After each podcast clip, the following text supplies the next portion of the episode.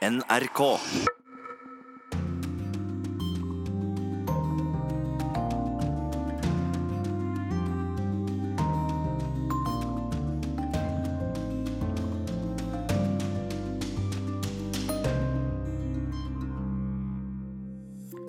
Velkommen til Urix på lørdag. Først oppdaterer vi deg på det siste som har skjedd i Hongkong. Neste uke får vi vite hvem som får årets nobelpris, men dette skjedde for fire år siden. The Nobel Peace Prize for 2015 is to be awarded to the Tunisian National Dialogue Quartet for its decisive contribution Vet du om Tunisia fortsatt er et demokratisk fyrtårn i den arabiske verden? Vi skal fortelle deg mer. Det er to viktige valg der i disse dager. Vi hører ikke så mye om rohingyaenes skjebne etter masseflukten fra Myanmar i 2017, men du får vite mer i podkasten denne uka. Det er det tetteste befolkede flyktningleiren i verden. Det er eh, kanskje så mange som 60% barn. Mange som bor i hvert eh, telt. Og husker du opptøyene i Gezi-parken i Istanbul i 2013? Etter 700 dager i fengsel uten lov og dom skal mannen som beskyldes for å stå bak protestene, stilles for retten. Og vi skal til landet der kull gir arbeid og rikdom. Velkommen til Silesia i Polen. Og husker du når Vladimir Putin kom til makten? Det er en stund siden. I korrespondentbrevet fra Moskva får vi høre om hva han kan komme til å gjøre for å sitte enda mye lenger. Og her i studio i dag, Øystein Heggen. Og aller først så skal vi til situasjonen i Hongkong.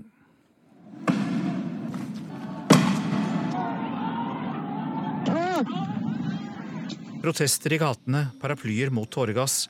Betalingsautomater på T-banestasjoner blir knust. Det er lydbildet fra Hongkong det siste døgnet. Hele tunnelbanesystemet ble til slutt stengt.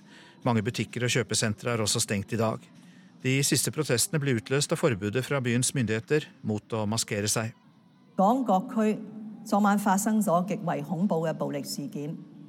Hongkongs leder Carrie Lam fordømmer i dag ødeleggelsen av butikker og T-banestasjoner. Hun sier at det var en lang og mørk natt, og at Hongkong er paralysert i dag, og at folk er redde og bekymret. Det var voldsaksjoner i alle Hongkongs distrikter, sa Carrie Lam.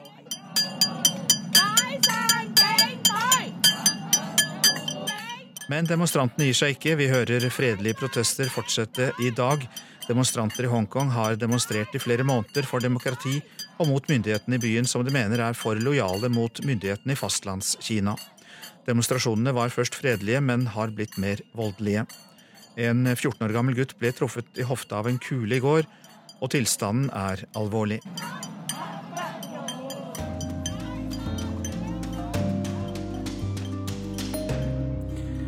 I morgen er det parlamentsvalg i Tunisia, og eh, om en uke er det presidentvalg i dette unge demokratiet i Nord-Afrika. Tunisia blir regnet som den eneste suksesshistorien etter den arabiske våren, men mange velgere er lei av brutte løfter fra politikerne. Og med en av de to presidentkandidatene i fengsel er inngangen til et nytt valg ikke det beste. Dag Bredvei har mer.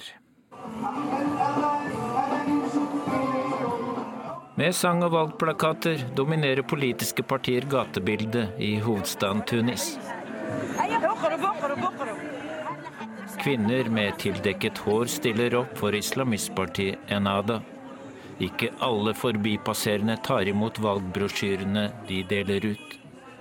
Partiet var forbudt da Tunisia ble styrt av den autoritære lederen Ben Ali inntil den arabiske våren i 2011.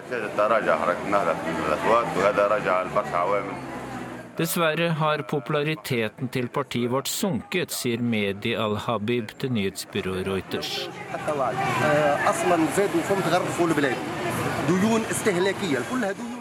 De etablerte partiene har ikke levert det de lovet, sier en ung velger på gata, Hassan Al-Mayoubi. Kanskje er han en av dem som vil stemme på det nye og friske pustet i partifloraen, partiet Aish Tunsi, som betyr lev på tunisisk vis. Inntil nylig var dette en frivillig organisasjon som jobbet med ungdom. Nå har de som mål å få flere seter i parlamentet for å kjempe mot korrupsjon og for saker som ungdom er opptatt av, som skolegang og arbeidsplasser. Parlamentsvalg i morgen, men likevel er det størst oppmerksomhet om presidentvalget som skjer 13.10. Siste avgjørende runde står mellom en kjent mediemogul og en jusprofessor.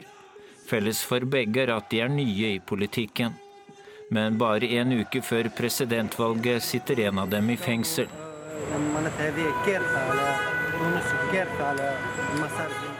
Det er en katastrofe for landet og for demokratiets framtid. Det sier lederen i den politiske komiteen til partiet Tunisias hjerte, partiet til TV-eieren Nabil Karoui. Han mener at arrestasjonen av mediemogulen som anklages for hvitvasking og skatteunndragelse, er politisk motivert. Leder av valgkommisjonen ber domstolen om å la Karoui få drive valgkamp. Karoui bør få holde pressekonferanser og gi radio- og TV-intervjuer, sa valgkommisjonsleder. Motkandidaten er jusprofessor Kais Saeed, som stiller til valg på en konservativ politisk plattform. To presidentkandidater kjemper om makten. Det at en av dem sitter bak lås og slå, er ikke den beste inngangen til et valg for det unge demokratiet i Nord-Afrika. Og vi husker at den såkalte dialogkvartetten i Tunisia fikk Nobels fredspris i 2015 for sitt demokratiarbeid.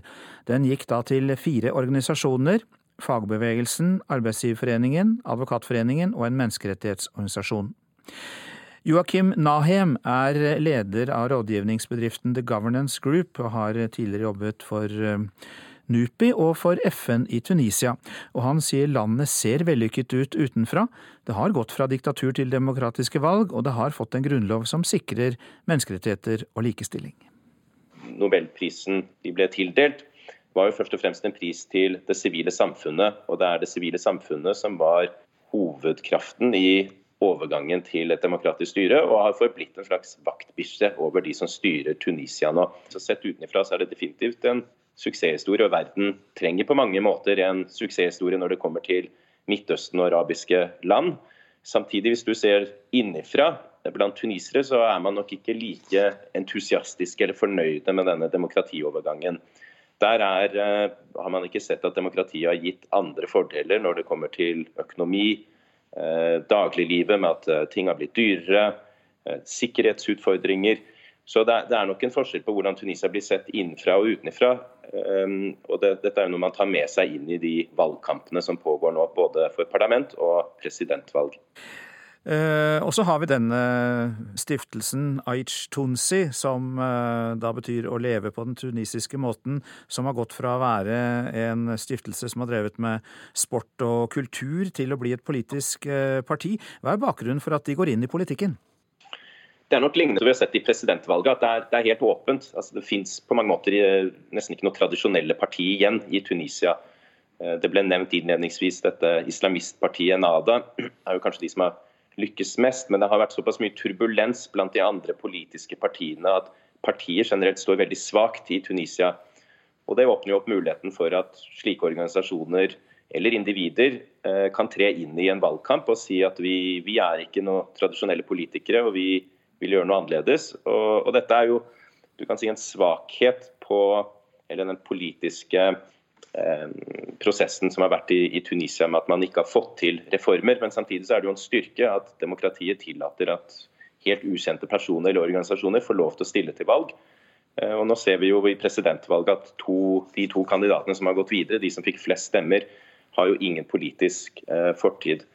Ehm, og den organisasjonen du nevner, dette har nok også sammenheng med at det er en veldig ung befolkning i Tunisia. De, ofte, de er ofte mer aktive i det sivile samfunn, organisasjoner enn nødvendigvis i politiske partier. Men nå har de da sett en mulighet til å bli politisk aktive. og det, det er jo på mange måter positivt også, at man får partier som prøver å representere en yngre befolkning som har følt seg ganske oversett i Tunisia og i Midtøsten generelt. Og så har det jo vært to alvorlige terrorangrep eh, da i 2015 med over 60 eh, drepte, primært turister, og det har vært angrep på politi og sikkerhetsstyrker seinere. Hvor sterkt vil det si at ytterliggående grupper står i Tunisia? Politisk så står ikke ytterliggående grupper sterkt i Tunisia i det hele tatt. Du har islamistpartiet Enada tar veldig sterk avstand fra eh, ekstremisme, og har egentlig vært en, eh, skal vi si, en eh, måte å bekjempe ekstremisme blant de som er troende i Tunisia. Er, Tunisia er et veldig delt samfunn eh, når det kommer til de som er sekulære, og er veldig skeptiske til at islam skal ha noe særlig plass i Tunisia. Og så har du islamistpartiet, som tydelig har jo en identitet rundt islam, og var forbudt under Ben Ali-tiden, altså den autoritære presidenten som styrte Tunisia i over 30 år. Og så har du fått et egentlig mer sånn nylig fenomen, dette med at uh, tunisere verver seg til ekstremistgrupper og utfører da terrorangrep. Ikke bare i Tunisia. Vi skal huske at uh, terrorangrepet på Statoil i Algerie var utført av hovedsakelig tunisiske um, terrorister som hadde vervet seg til Al Qaida og IS. Så dette er jo en utfordring for det tunisiske samfunnet, men de, de har ikke noe særlig grobunn blant folk flest i Tunisia. For dette rammer jo først og fremst tunisere. Uh, terror i Tunisia rammer jo turistindustrien, som det blir nevnt, og det går utover vanlige tunisere. Og man er veldig redd for ekstremismen i Tunisia. og Dette har jo preget valgkampen også, med hvordan man skal drive effektivt sikkerhetsarbeid, uten at det skal gå på bekostning av menneskerettigheter og, og demokrati. For det er også en annen utfordring. Men likevel så er det altså et land eh, som har levert flest fremmedkrigere til eh, bl.a. Eh, Syria, da, til IS og Al Qaida. Så det kan være litt vanskelig å forstå at det er kanskje demokratiets fyrtårn i den arabiske verden, og samtidig en leverandør av terrorister. Det er riktig, og det har nok sammenheng med at du har en, som nevnt, en veldig ung befolkning i Tunisia. Og i og med at du har høy arbeidsledighet, du har lite fremtidsutsikter for uh, veldig mange unge tunisere, særlig de som bor i fattige områder i Tunisia, i, i innlandet og i lenger sør, de er nok ganske desillusjonerte. Og det er jo ofte en, uh, en god rekrutteringsmulighet for IS og andre. At man uh, finner unge mennesker som på en måte ikke har så mye å å tape, og at de blir indoktrinert. Og Det har man jo til en viss grad eh, lykkes med i, i Tunisia. Og så har det sammenheng med det som skjer i nabolandet Libya, eh, som eh, har blitt en slags ekstremistgrobrunn, og hvor det er store, mye mm, turbulens og en slags sånn lavblusskonflikt, nesten en borgerkrig egentlig, som pågår. og Det har jo gjort at det, det føres våpen over inn i Tunisia, at det har gitt tilstedeværelse av mer ekstremister i, i, Libya. og De deler jo da en grense med Tunisia som er eh, veldig vanskelig å patruljere. Og, og, Dette har jo nok hatt en negativ innvirkning på eh, sikkerhetssituasjonen i Tunisia. At uh, unge tunisere får opplæring av IS og andre ekstremistgrupper i, i Libya. Eh, men det er klart at det, det er en utfordring for eh, og ikke at unge mennesker blir rekruttert til eh, IS og lignende grupper i Tunisia. Det sa altså Tunisia-kjenneren Joakim Nahem. Det er valg også i Kosovo og Portugal i morgen. Portugals sosialistregjering ventes å vinne morgendagens valg, og dermed sikrer statsminister Antonio Costa en ny periode. Han leder en mindretallsregjering med støtte fra mindre venstreorienterte partier.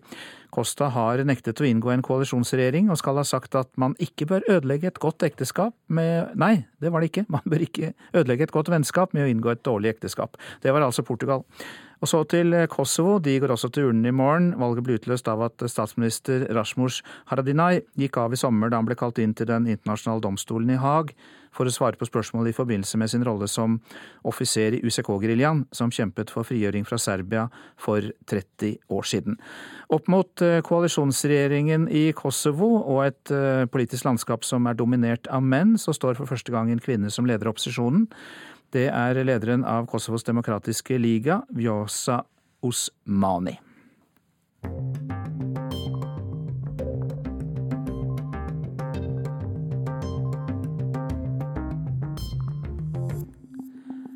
Nå til eh, Tyrkia og en rettshøring om protestene i Gezi-parken i 2013.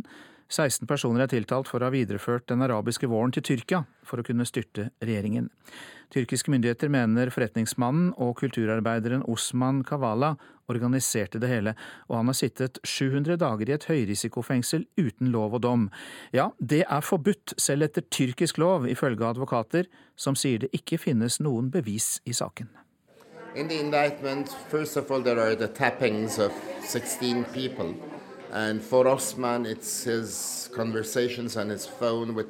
Tiltalen består bl.a. av avlyttinger av de 16 personene. For Osman Kavalas del viser dette vanlige samtaler han hadde for seks år tilbake, men ingenting beviser at han finansierte Gezi Park-opprøret.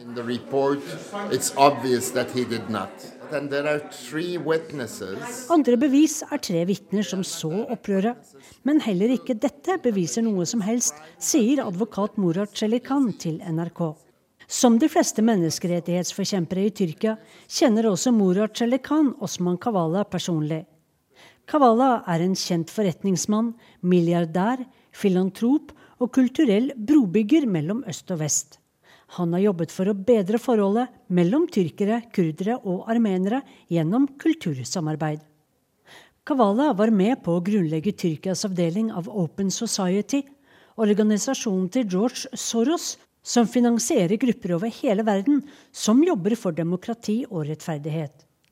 Men konspirasjonsteoriene om den ungarskfødte finansmannen Soros, bosatt i USA, er mange. Kritikerne mener Soros forsøker å destabilisere land ved å finansiere visse politiske grupperinger. President Recep Tayyip Erdogan beskylder Osman Kavala for å finansiere det han kaller terroristene som sto bak Gezi-opprøret. Og hvem står bak Kavala, spurte presidenten. Den berømte jøden Soros mannen som bruker pengene sine på å splitte og ødelegge nasjoner, ifølge Tyrkias president. Men hvilken forbindelse er det mellom Kavala og Soros, spør jeg. Kavala satt i styret til Open Society i Tyrkia, så de kjenner hverandre.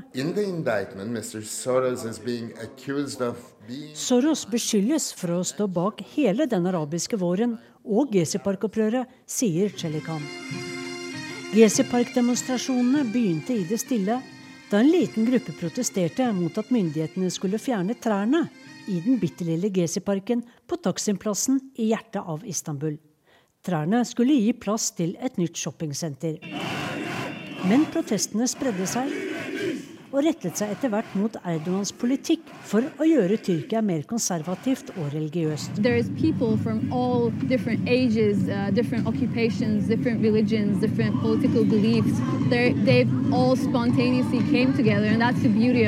Alle slags folk demonstrerer nå, og vi kom sammen helt spontant, fortalte John Ostonda til NRK da jeg dekket Gezi-parkopprøret her i Istanbul for seks år siden.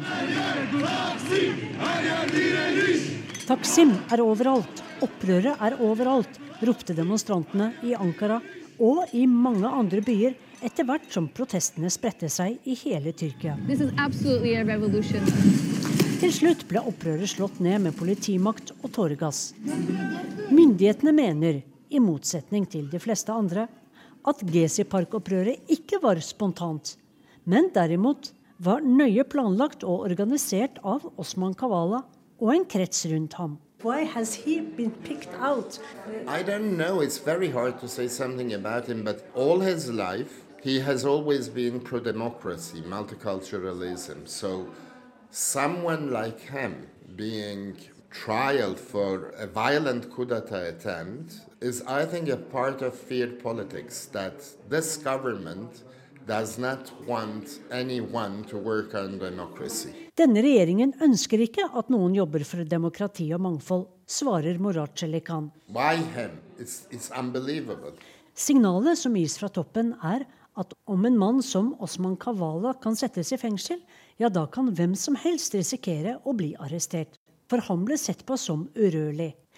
Osman Kavala har snart sittet to år i høyrisikofengselet Silivri uten lov og dom, noe som også er ulovlig i Tyrkia. No evidence, no evidence, no evidence. So Dommeren for saken har byttet ut for tredje gang, siden de forrige dommerne gikk inn for å sette ham fri til saken er ferdigbehandlet, forklarer advokaten. Men milliardæren og kulturbrobyggeren Kavala tvinner ikke tommeltotter i cellen sin. He is very active in all those cultural events. Menneskerettighetsadvokat Morat Chilikan der til slutt, og han ble intervjuet av korrespondent Sissel Wold.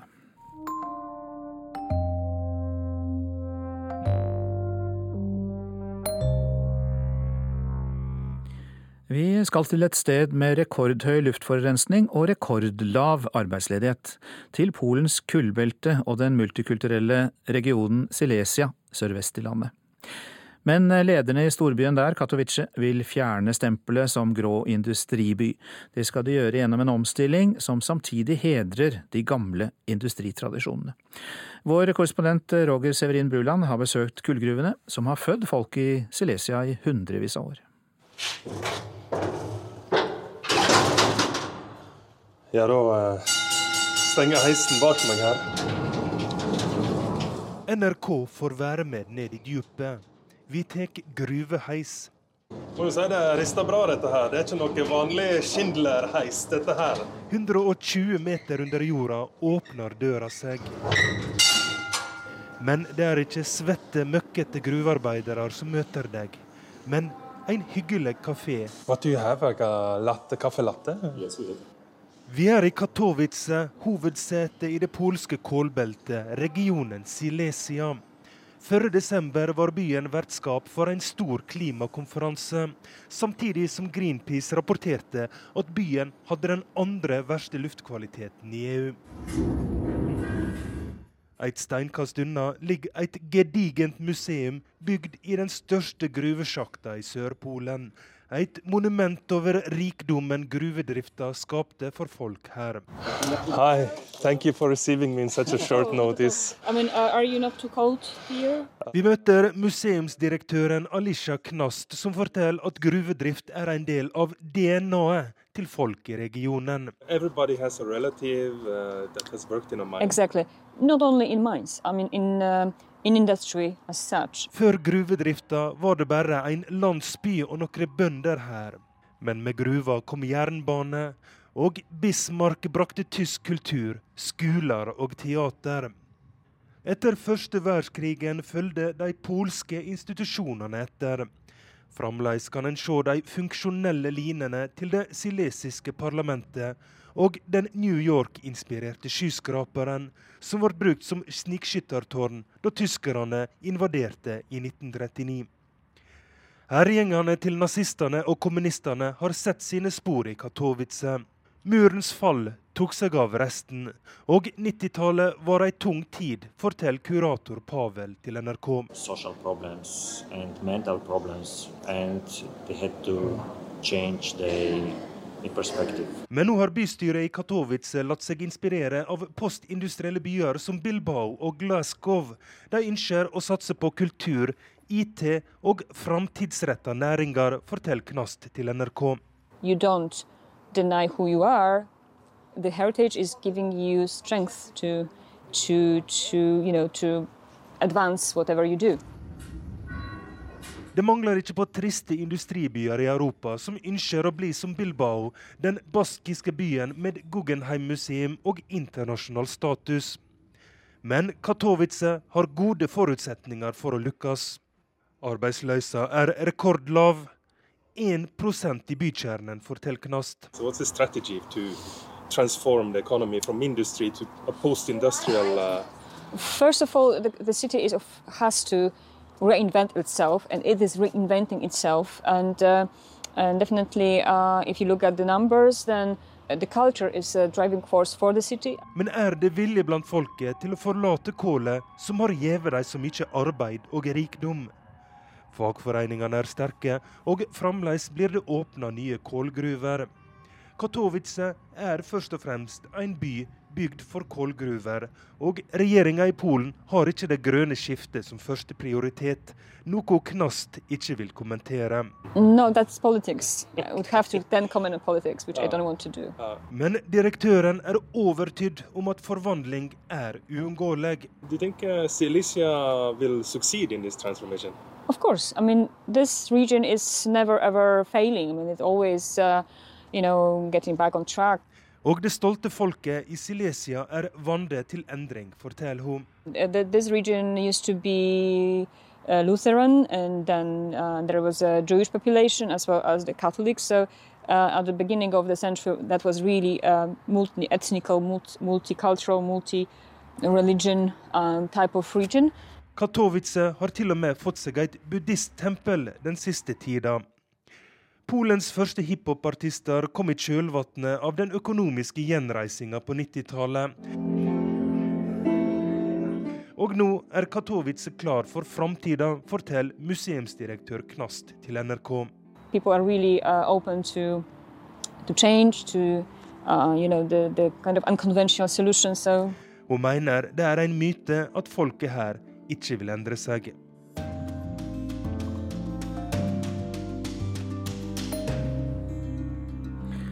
Du lytter til Urix på lørdag, nå til korrespondentbrevet. Vi spør der om Russland kan klare seg uten Putin. Det er vår mann i Moskva som stiller dette spørsmålet. Jan Espen Kruse forteller at Putin skal sitte som president til 2024, men allerede nå lurer russerne på hvordan et skifte av makt skal foregå. Russlands president Vladimir Putin ble for halvannet år siden gjenvalgt for seks nye år.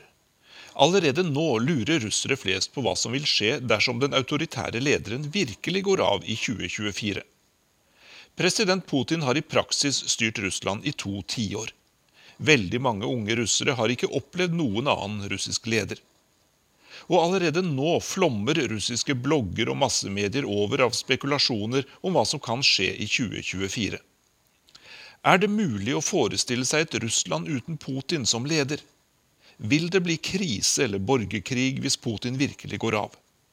Hovedpersonen selv har ikke gjort så veldig mye for å klargjøre spørsmålet om sin egen avgang. Hans siste kommentar til temaet var dette. Det er for tidlig å snakke om det. Foran meg ligger fem år med hardt arbeid, sa president Vladimir Putin for en tid tilbake. Dermed er det litt usikkert om Putin virkelig har tenkt å gå av som president når denne seksårsperioden er over, selv om han tidligere har sagt at nok får være nok. Og mange av lederne i de tidligere sovjetrepublikkene viser veldig stor kreativitet når det gjelder å finne på triks for å bli sittende med makten. Og Putin selv er heller ikke noe unntak. Da han hadde sittet de to første periodene etter hverandre, gikk han av som president, og hans venn og politikerkollega Dmitrij Medvedev holdt presidentstolen varm i fire år.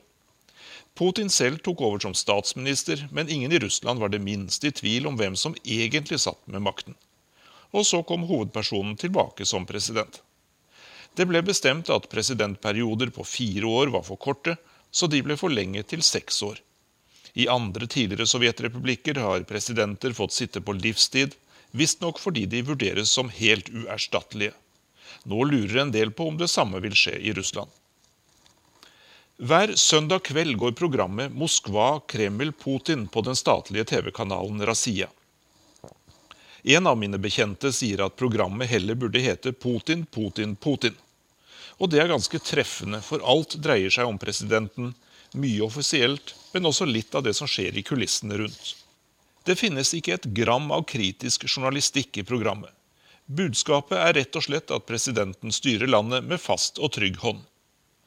Det samme er tilfellet med nyhetsprogrammene på de to største statlige TV-kanalene. Det første innslaget er nesten alltid om Putin og hva han har gjort den dagen.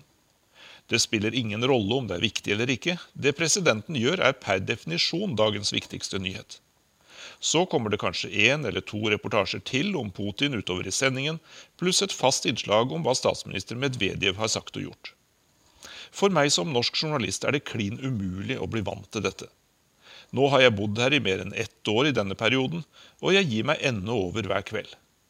Putin møter lokale ledere og folk i alle slags viktige samfunnsposisjoner på sitt kontor i Kreml.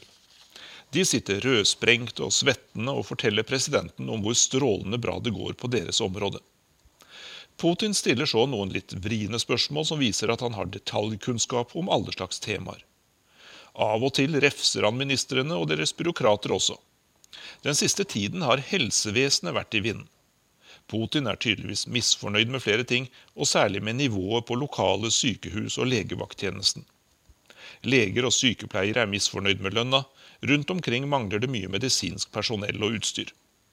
Noe må gjøres, krever Putin. Og så understreker han at Helsedepartementet ikke må glemme å pusse opp gamle og forfalne bygninger. Det hadde visst ingen tenkt på hvis ikke presidenten selv hadde gitt beskjed om det. Samtidig viser journalistene splitter nye sykehus og legesentre hvor alt fungerer fantastisk. Utstyr er nytt, det finnes ingen køer, og folk er superfornøyd. Det å finne ut hva problemene i samfunnet virkelig består i, og besøke dem som virkelig rammes, Det er ingen høyt prioritert oppgave hos russiske journalister. Da vil de bare få masse trøbbel med diverse myndighetspersoner. Det er tryggere å vise hvor bra allting er. Sammenlignet med amerikanske politikere er jo ikke Putin noen gammel mann med sine 66 år. Selv i 2024 vil han være yngre enn mange av de amerikanerne som vil stille til valg neste år. Men problemet ligger i at den russiske grunnloven bare tillater en president å sitte i to sammenhengende perioder. Russiske medier lurer på om grunnloven kan fikses litt på, sånn at Putin kan bli sittende i enda en eller to perioder til. Regjeringspartiet Forent Russland har et komfortabelt flertall i det russiske parlamentet, og vil temmelig sikkert få med seg de andre partiene hvis det skulle bli nødvendig i et så viktig spørsmål. En annen løsning kan være å slå sammen de to landene Hviterussland og Russland. Da vil det i prinsippet være snakk om at et nytt land blir opprettet, og da stiller ledelsen med blanke ark. Igjen melder russiske medier at det ikke er utenkelig at Putin blir president for et slikt nytt land. Og da kan han jo sitte i to ganger seks år til, hvis ikke presidentperiodene i dette nye landet blir utvidet ytterligere. Nå er jo Hviterussland et eget land med en autoritær leder som har sittet enda lenger enn Putin. Aleksandr Lukasjenko har ikke kommet med antydninger om at han kan tenke seg å gå av, snarere tvert imot. Den yngste sønnen hans har helt siden han ble født, blitt trent opp til å kunne etterfølge faren. Her kan det ligge an til en interessekonflikt av de store. Russiske statlige medier gjør alt de kan for å vise at Putin er en uunnværlig politisk leder. Indirekte forteller de at alt i det store russiske riket kommer til å bryte sammen hvis store far skulle bli borte. Kaos kommer til å bli resultatet. Det er sannsynligvis en versjon av virkeligheten som mediene i de fleste autoritære land er betalt for å formidle. Denne forestillingen er også med på å rettferdiggjøre at de sittende myndighetene står brutalt ned på den delen av opposisjonen som kan være en reell utfordrer til makten. Men hvilken betydning har så det som skjer i det slaviske nabolandet Ukraina for Russland? Der valgte folk tidligere i år en president som ikke hadde noen politisk erfaring. Så ga de partiet hans et stort flertall i parlamentet. Overføringen av makt fra den forrige presidenten til den nye foregikk på en verdig og ryddig måte. I realiteten ble en hel politisk elite byttet ut med en annen, uten at noe forferdelig skjedde. Og det til tross for at de russiske statlige mediene i minst et år før de ukrainske valgene hver eneste dag hadde utbasunert hvilken katastrofe Ukraina sto overfor. Men i Russland er trolig overføring av makt atskillig vanskeligere enn i Ukraina. Den økonomiske og politiske eliten som har vokst fram rundt Putin i nesten 20 år, har tilegnet seg ufattelig mye makt og verdier. Veldig mange vil ha veldig mye å tape på et slikt skifte av makt. I autoritære regimer er det alltid skummelt å gå av. De sittende lederne vet aldri helt hvordan de kommer til å bli behandlet av de nye. Kanskje vil de som overtar, ønske å legge skylda for alt som er galt på de tidligere lederne. I noen tilfeller kan det ende opp med anklager om maktmisbruk og korrupsjon og påfølgende fengselsstraffer. Autoritære ledere venter også som regel i det lengste med å utpeke en etterfølger av frykt for at den nye vil ønske å ta over før det er planlagt. President Putin har ikke utpekt noen kronprins, og dermed fortsetter spekulasjonene her i Russland med uforminsket styrke. Og fra korrespondentbrevet som ble levert av Jan Espen Kruse til eh, Krig og fred, podkasten som eh, denne uka skal handle om en trøstesløs flyktningkrise. For to år siden flyktet 700 000 muslimske rohingyaer fra Myanmar. Nå bor de i verdens største flyktningleir i Bangladesh. Men hvorfor kan de ikke reise hjem når landet deres til og med ledes av fredsprisvinner Aung San Suu Kyi?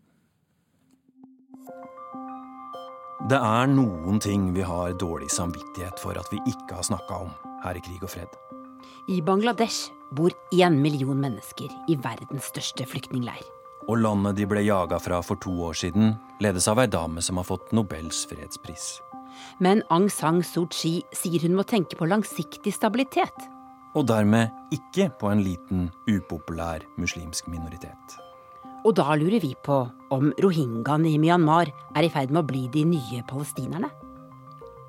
Du hører på Krig og fred med Tore Moland og Tove Bjørgaas.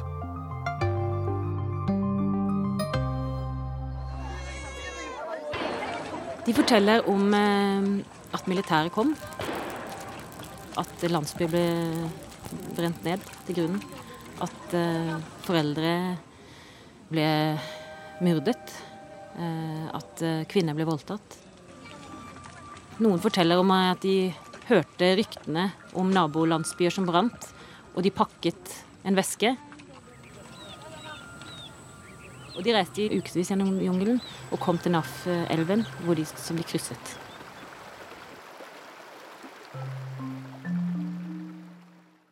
Jeg heter Marte Nilsen, jeg er seniorforsker på PRIO, Fredsforskningsinstituttet i Oslo. Du har vært flere ganger i Bangladesh, der verdens største flyktningleir nå befinner seg. Hvordan ser det ut der? Det er eh, Det er det tetteste befolkede flyktningleiren i verden. Kota Ballong, som er den aller største leiren, det er eh, et bakkelandskap hvor det er telt så langt du kan se. Bambusstrukturer med plastduker. De står tett i tett, og det bor masse folk der. Det er eh, kanskje så mange som 60% barn. Mange som bor i hvert eh, telt. Store enheter. Hvor lenge har de vært der? Noen har vært der siden 90-tallet. Eh, og i hvert fall over 100 000 har vært der siden 90-tallet. For da var det en forrige gang eh, at eh, folk ble fordrevet fra Myanmar. Men de aller, aller fleste kom i august og i månedene etter august 19, eh, nei, 2017.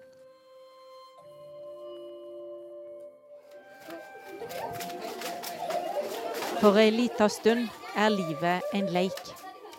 Her får de yngste flyktningene være barn i noen timer. Men de brutale erfaringene er ferske og ikke til å glemme. Det var høsten 2017 at vår kollega Kjersti Strømmen og mange andre journalister strømma til den raskt voksende flyktningleiren Kutapalong i Bangladesh for å høre de hjerteskjærende historiene.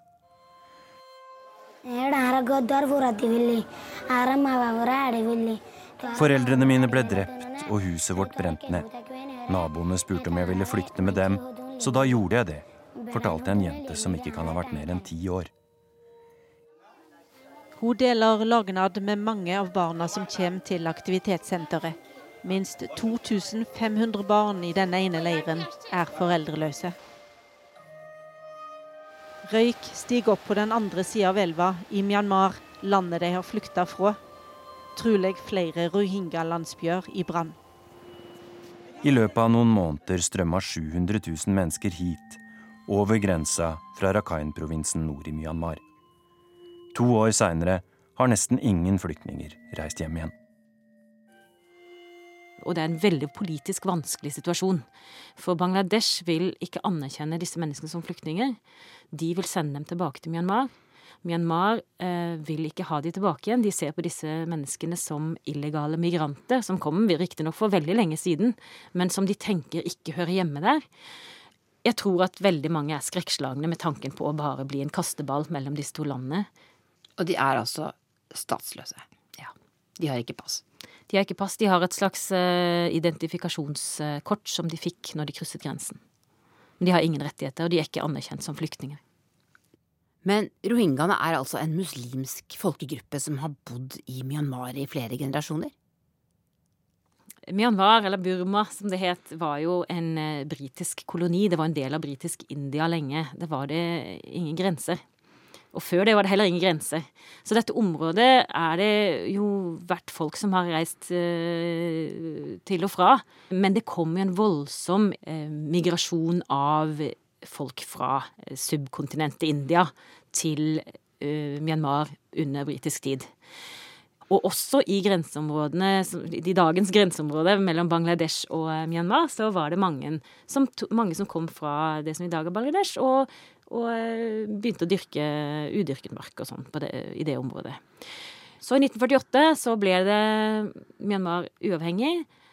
Og helt siden da så har særlig befolkningen i eh, Altså rohingya-befolkningen i eh, Rakhine blitt sett på som utenforstående. Og dette har også blitt bygd opp under ikke sant? Myanmar var et diktatur siden 1962, og den historien om hvem som hører hjemme og hvem som ikke hører hjemme, er noe som har vært en veldig viktig del av militærets nasjonale prosjekt. Å snakke om liksom utenforstående farer, og hvordan de som militære må beskytte landet. Når vi her i Norge, og kanskje til og med i store deler av Vesten, tenker på Myanmar, så tenker vi jo ofte på ett navn. Aung San Suu Kyi. Hvem er egentlig hun? Hun er jo eh, datter av frihetshelten Aung San, som var, ledet frigjøringen eh, fra britene, men som ble skutt rett før frigjøringen, så han ble, fikk jo en voldsom martyrstatus også. Eh, hun, kom, hun, bodde i England i mange år, og så kom hun tilbake i, under eh, studentopprøret i 1988.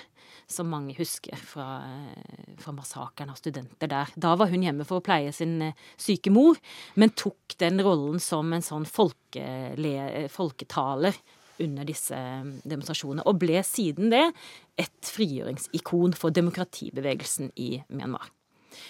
Så hun var viktig som frigjøringsikon.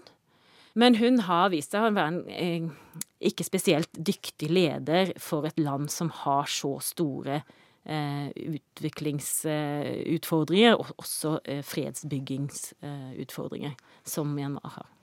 Hva har hun sagt om det som skjedde i 2017? Hun har egentlig ganske, sett ganske lite. Hun har det, Dette er en For de fleste i Myanmar så er ikke rohingyaene hører på en måte liksom ikke hjemme i den nasjonale fortellingen om Myanmar. Og det er veldig få i Myanmar som tenker at de har en naturlig plass der. Aung San Suu Kyi har heller ikke noe behov for å endre på den eh, oppfatningen blant folk. Ja, det er flott, da. Skal vi se Kanskje du skal ta en liten? Stemmeprøve, omtrent som dette her. I will now call upon Michael, Alexander, and Kim Aris to come forward to receive the gold medal and the diploma on behalf of their wife. Aung San Suu Kyi satt i husarrest i det vi da kalte Burma, og kunne ikke reise til Norge for å ta imot Nobels fredspris i 1991. Your Majesties, Your Royal Highness, Excellencies, distinguished members of the Nobel Committee, dear friends. Først over 20 år seinere, i 2012, kom demokratiforkjemperen til Oslo for å holde nobelforedraget sitt. Da var militærdiktaturet oppløst, og hun var i ferd med å bli politisk leder i det som nå het Myanmar. Sølvguttene sang for henne på Rådhusplassen, og Aung San Suu Kyi ble hylla av norske politikere. Dear all of you and dear Aung San Suu Kyi, when we met for the first time in Rangoon back in 1997 Mitt navn er Kjell Magne Bondevik, og jeg er nå arbeidende styreleder ved Oslo-senteret. Og du har vært statsminister i Norge? Det har jeg jo også. Ganske, Hvor mange år var det egentlig? Det ble seks og et halvt. Det er ganske lenge. Det er det. Du satset ganske hardt på Aung San Suu Kyi etter at du gikk av som statsminister og startet eh, Oslo-senteret som de sånn fredsbyggende senter. Eh, hvorfor gjorde du det? Fordi at hun har kjempa en utrettelig imponerende kamp mot eh, militærdiktaturet som var i Burma, nå Myanmar. Eh, hun har nedlagt et utrolig offer. Hun har sittet mange år i husarrest. Hun ofra familielivet, og på mange måter har hun jo vunnet fram ved at landet har blitt delvis demokratisk, men slettes ikke fullt ut. Så demokratikampen må fortsatt kjempes, og hun står overfor veldig store utfordringer. Når møtte du henne sist? Eh, sist var i fjor, eh, eller i vinter faktisk, bare noen måneder siden. Oh, ja. Så eh, jeg har opprettholdt kontakten, og da var det jo ikke minst for å snakke med henne om dette vanskelige rohingya-spørsmålet. Hva sa hun eh, den siste gangen du, du, du snakka med henne? Nå har hun fått ganske mye kritikk eh, internasjonalt også. Det har hun, og med en viss rett. Fordi vi hadde jo selvsagt forventa at en nobelprisvinner hadde stått klarere opp for rettighetene til denne minoritetsbefolkningen i Myanmar. Eh, men jeg, jeg forstår bakgrunnen for at hun ikke har gjort det, uten at det er noen unnskyldning. Men hun veit nok at hvis hun står opp, forsvarer deres rettigheter og kritiserer overgrepene som er begått, så får hun de militære i landet imot seg. For det er jo de som stort sett står bak dette. Det andre, og som nok er enda vanskeligere for henne, det er jo at hun sannsynligvis vil få folket mot seg. Fordi rohingyaene er dessverre veldig upopulære blant eh, burmeserne for øvrig. Eh, det har mange historiske og andre årsaker. Men klart, skulle du få både militæret og folket mot deg, så har det ikke mye du skulle ha sagt. Føler du at eh, du hadde for stor tro på hva hun kunne få til?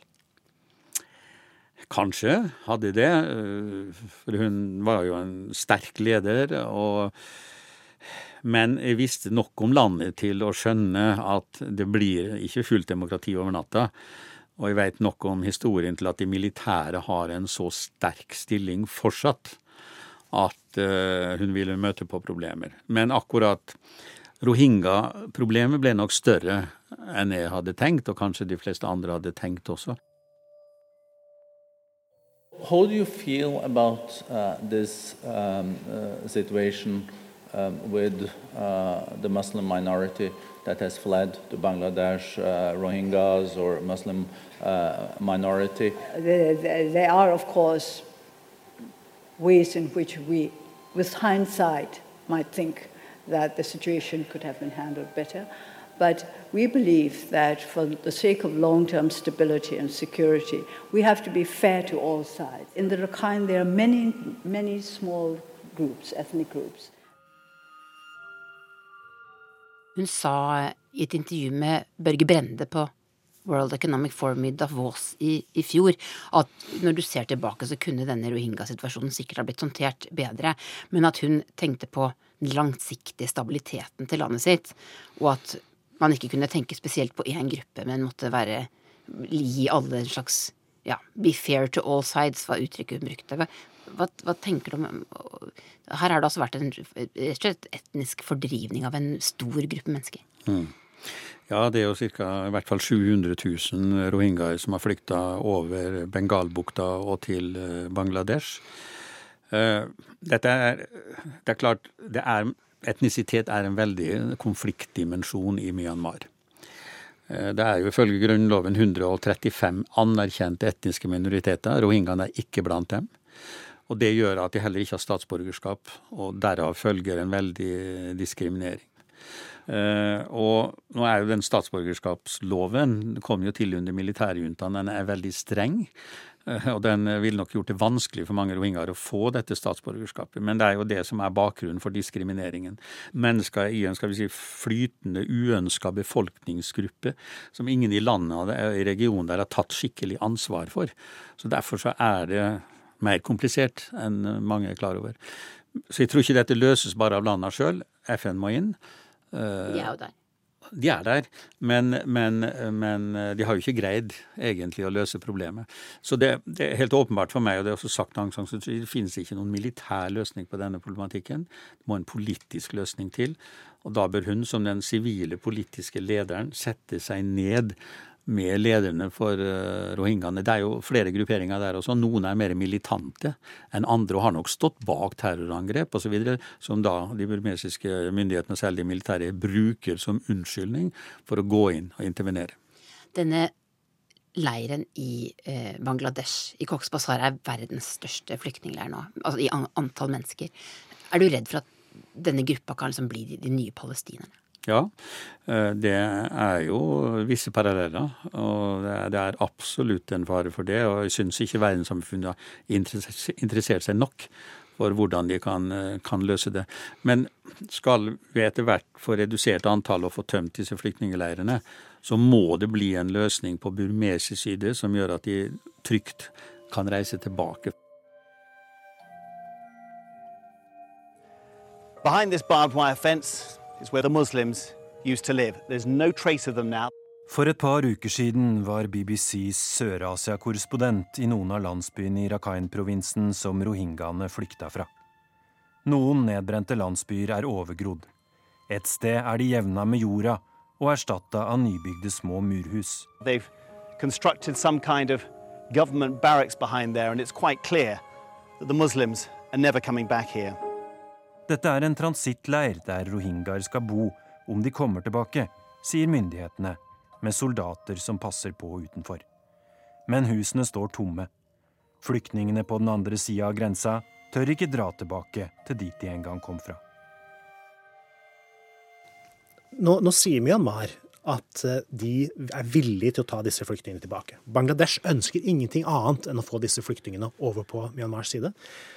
Sikkerhetsrådet, med, det, med 50, de 15 medlemmene i Sikkerhetsrådet, er alle eh, pusha hardt for å få til retur.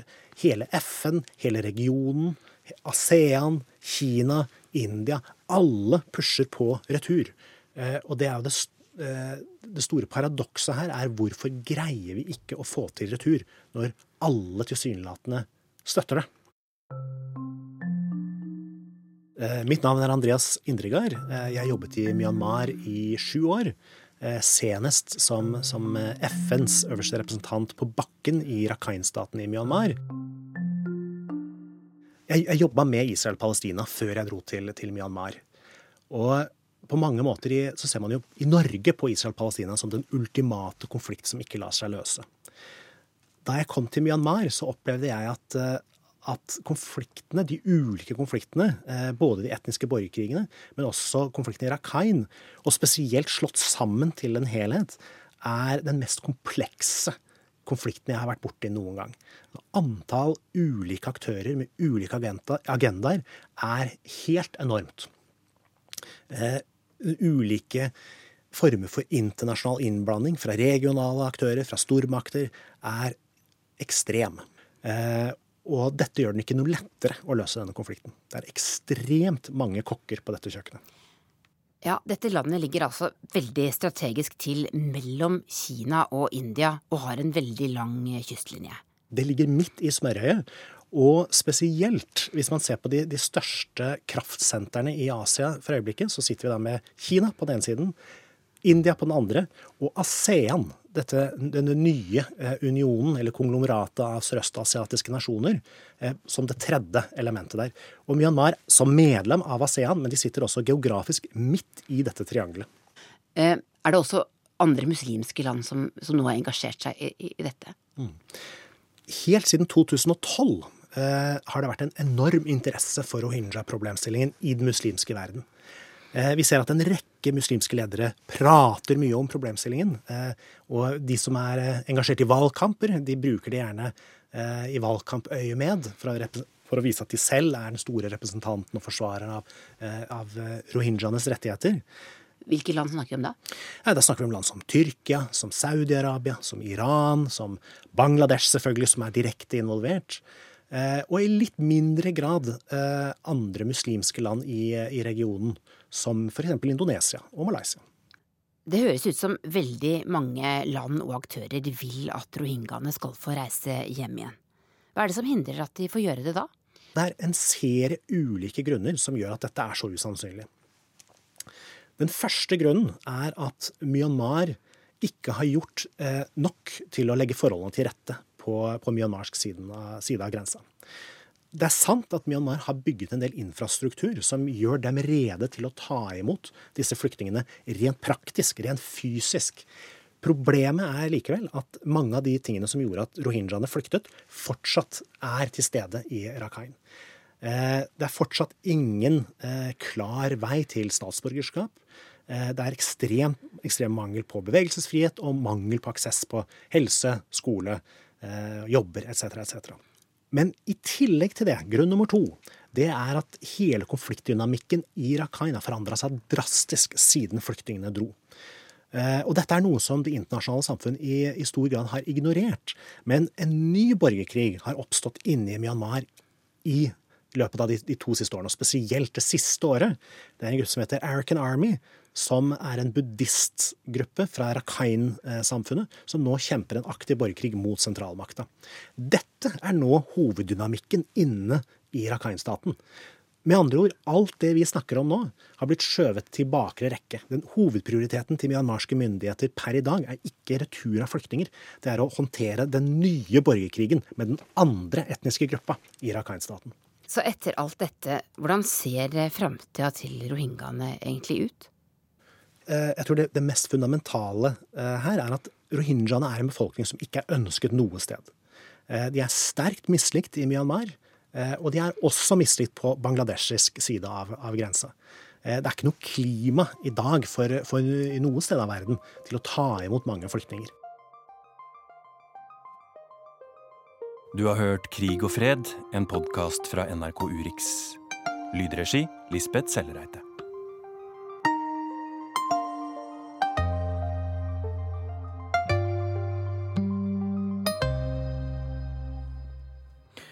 Denne timen har du lyttet til Urix på lørdag. Teknisk ansvarlig var Hanne Lunås, produsent Ingvild Ryssdal og her i studio Øystein Heggen.